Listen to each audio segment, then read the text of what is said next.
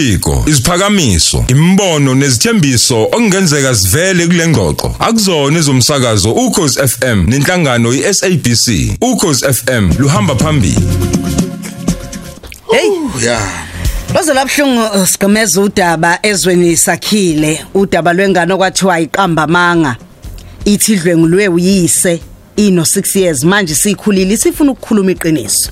Mhlambe kungakuhle siqale kumdu eh wethuleleni because Yeah. uyena oqale a- ayilande indaba Yeah. laphandle sixolise kunomathemba kumambele kancane mhlambe mntu asikubingelele mfethu sikwamukele kukhozi FM sitshele uzwa kanjani ngalolu daba nalaze sifika khona ekuthenini sithole inombolo zikadadewethu nomathemba Angibingelele Mroza noSiqemeza kanye nabayele emakhaya ngalenyanga yamadoda. Namhlanje sisaqhubeka sibheka zona igemegeme ezenzeka ezweni sakhile. Namhlanje sizobheka into esingayibiza ukuthi nephecelezi miscarriage of justice esibuka ubudedengu beyinkantolo ezibenzayo kwabanye abantu efuna abathula ubulungiswa kodwa bangabutholi ubulungiswa igcina inkantolo zibacindezela. Ngesonto ledlula kade sikhuluma udaba lendodakazi owadlungu lobaba wakhe wazwamithisa. Siye sathinta omunye futhi indodakazi esithinta khona ku Facebook epage lethu Facebook esibikela naye ngenkinga ecishe ifane nale la khona ubaba wakhe yena ke osejele njengamanje ngecala angazange lenze ukuthiwa wadlungulela indodakazi okuyicala lavula umama wakhe undodakazi elwa izimpi zakhe nobaba ngoba lento iyahlupha ukuthi abazali balwe nge- izimpi zabo belwa ngezingane kuze kugcineke sekuhlukumezeka nezingane uMr Joseph namhlanje udonse iminyaka u35 years ejele ngecala angazange lenze yize noma kukhona ubufakazi osebabuya bokuthi iDNA test iyabuya before azagwetshwe inkantolo yabona ubufakazi bokuthi ayikho into eyatholakala ukuthi ingane wayenukubeza Yeah. kodwa inkantolo iyaqhubeka yamgweba lo 35 years okunamhlanje usejele. Sizokhuluma naye kundodakazi okuyena kuseyikhulumela namhlanje usho ukuthi baba kazange amenze lutho. Nabo ubufakazi uyafisa ukuthi baba akhathole ubulungiswa aphume ngoba icala liboshwela kazange lenze uthi indodakazi namaphutha sazowabikela namaphutha awamsizi. Umama naye sebeze baxabana umama uzayixosha ngisho ekhaya ingane mayithi ingane iyakhuluma ukuthi ifuna ukukhuluma iqiniso ukuthi baba kazange ngidlungule ezinye ke inkinga lezi ezibhekene nabantu besilisa njengoba kuyinyanga amadoda nje ababhekana nazo ukuthi bagcine beze abanye behlukunyezwa ngazo indaba zezimpi zomndeni zothando.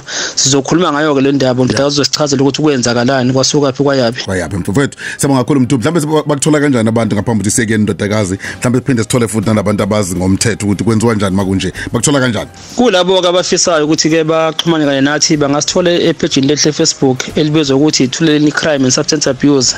Thuleleni crime and substance abuse bangene balakhe lo page basibikele la khona inkinga zabo siyakwazi ukuthi siresponde kubona. Kanti nasenambeni yethu yocingo ne WhatsApp nayo bangangena kuyona basithinte enambeni ethi 0677893082 0677893082 asibonge mroza lesiqemeza ezweni sakhile niselahle emakhaya. Siyabonga kakhulu mntu mhlambe ke dadewethu bengifuna sithole le- le le background eqala siyabonga kakhulu ukuthi umntu usethe kuyicacisa ngicela u- uku- ukubheka into yokuthi nangu uyasho ukuthi uyile emaphoyiseni. Amaphoyisa awakusizi kanjani? Ay angazi nami ngoba ngile from 2019 and then bangitshela ukuthi i-case ayibayibambi ngefenaheni and then ngaya efenaheni ngahlangana nama-CID ama-CID elinye langi-advise ukuthi ngithole i-lawyer ngaya e-legal aid nakhona akungasizi since from 2019 ngile case. Ngabuyela futhi this year bangitshela the same thing. So ngathumana makabhututho kumunye intombazana lo be unecase efana neyami but yena ubaba khuze wamhepha ngaphosta ku-facebook. Kula ngathola amanamba khona. Mm. Eh usuneminyaka emingaki manje? mina twenty-three years Usun una 23 eh uya uyaqinisekiswa una 6 years una 7 years? into le ubaba wami ya icase yakhona beyingina-six years but yena wagweba thousand and eight Oh wawuna 8 years ngaleso sikhathi. yebo Unesiqiniseko sokuthi wena awuzange unukubezwe ngokocansi. Hayi, akuzange ubaba makazange ngenza lento le nesiqiniseko U- Umama kwaba uyena othi shono lokho. Wa- wathi umama yini indaba ukuze wena usho kanjalo uthi unukubezwe uyena ubaba ngokocansi? Indaba kwakwenze njani? yazi ma u- umamami ubaba umamami nobabami bekuwabantu balwayo. So into nayo ngathi umamami bekafuna ukuhlala ne-boyfriend yakhe kanjani? Because immediately umamami ubabami aboshwa. Size samuva la kababami sayohlala kuwe nahlala ne-boyfriend. And aqala uku-abusa lapho. Ukunga end up ukuthi mana ngi-abuse lapho nga end up ngihlala ema-social workeni angiphula isandla nenyawo oh na na- emveni kokuboshwa kababa nasuka nayohlala wayohlala kuyiboyfriend yakhe kanye nawe. Akubo. Khabo mama ahlala kubo ne-boyfriend yakhe. Ehe nathi ahlala nathi siyi-two abantwana bakababami oh yebo. Wena us- usuneyakhe ingane manje? Yebo senginayo. Kuhamba kahle em- em- em- emshadweni wakho noma othandweni lwakho? Cha kuhamba kahle khona. Yini ongafisa ukuyibona ye- ye- ye- yenzeka? Ngizofuna la sifake omunye umfowethu u- u- owummeli eh u- u- u- uThabani Mpungose wena yini oyisifiso sakho kakhulu? Yini lesikwenza ukuthi manje kade ucula iculo le rape bese kuba khona lento ethi cha angilikhuluma iqiniso? Mina iqiniso ba beng- bengifuna ukukhuluma from kudala but inkinga engingayazi ukuthi usizo ngizothola kuphi. Asizwa cousin wami wangitshela ukuthi ngibuyele kule police station la umama wami wavula i-case khona. Okay. Awubamba kanjalo ke brother samukele eh, umfowethu eh, uThabani Mpungose ungomunye wabameli um phinde futhi ke abeke kwi kwi kwi- kwi organization ebizwa nge Justice for Prisoners and Detainee Trust. Eh kuba asikubingelele mfowethu bamukele ku cause ekseni ngilela abalaleli bokhozi FM ngibingelele i-team basho eh iphathi mandla zokhozi. Mfowethu ngiyazi ukuthi nawe uyizwile le ndaba eh esayibeka udade wethu kwenziwa njani esimeni njengalesi ya mfowethu eh isikhathi esiningi ama cases afana nalawa ama cases esihlangabezana nawo daily kulomkhakha esikuwona as i-organization we have dealt with ama cases anjena. As well as um, uzo- uzokhumbula gameza kwi case esike sayenza ka kaSifiso Shezi Yes. wase Claremont Mm. okwakuthiwa udlengula ingane yakhe ingane isho ukuthi uma wayo wayithi ayiqamba manga Mm. icase efanayo nale ukusho ukuthi usisi after sekuboshwe ubaba a a a angeke kuze kube lula ukuthi aye police station afike eh emaphoyiseni achaze lento ayichazayo. But kudingakala ukuthi kube nommeli involved yabo? Yes. Kufunakala usisi athi mesenzile affidavit enze affidavit emaphoyiseni echaza the whole story. Futhi engazi ukuthi angathi mayenza angayi kulo mseshi wayekade ephethe icala. Mm.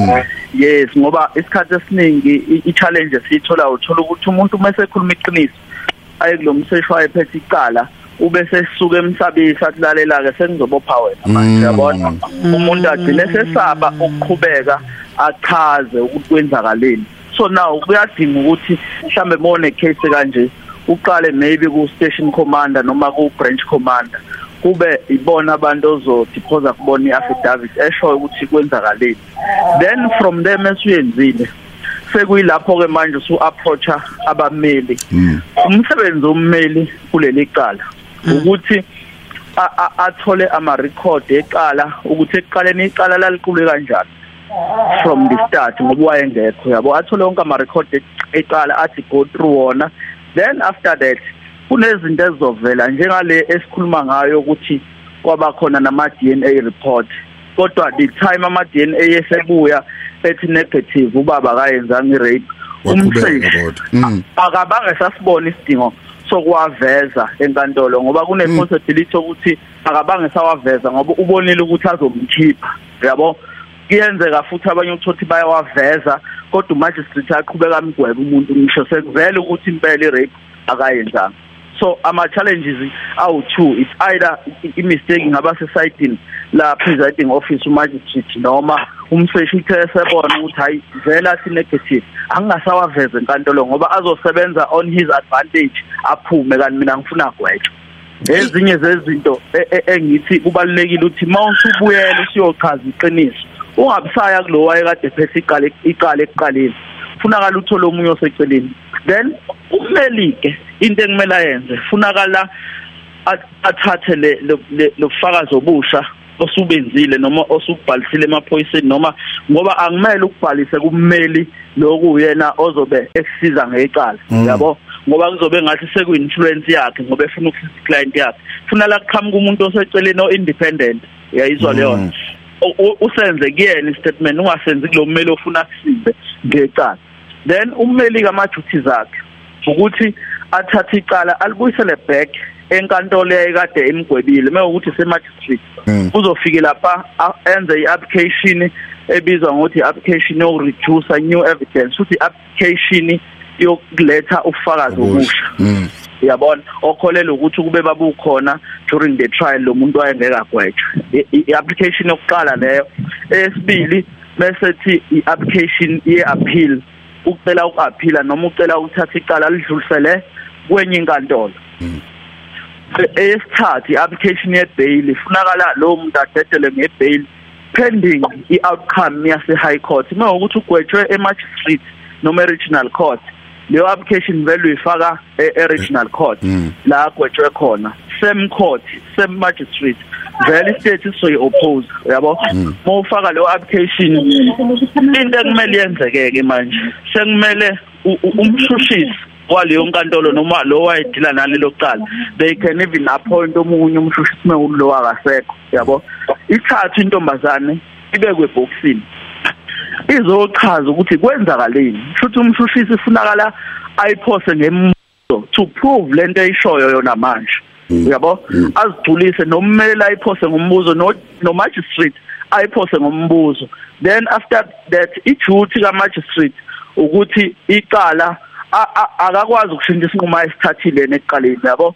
Iduty yakhe sekuwukuthi athi ke leli cala alidlulele enkantolo ephakeme we lapha ekuzothathwa khona i-decision uyabo the time esho njalo eh ingalesikhathi ke nina senithi kule yebheli ngicela bededela ngebheli. Ebengaphandle. wal yes abe ngaphandle ngenxa lobufakazi wala amaphepha akhe esadluliselwa emajajini e-high court. Ngoba nakhona ukuthola idate emajajini e-high court mhlawumbe uthola kuthatha 7 8 months 9 months yabo la kuyona into yamanje. So kubalekile ukuthi isicelo sebheli usenze pending i-decision yalapha e-high court. So i-case yona e- e- engalungiseka. Sibonga nje ukuthi usisi unonembeza sibonga ukuthi uNkulunkulu umthintile ngoba akuyena yedwa okanje.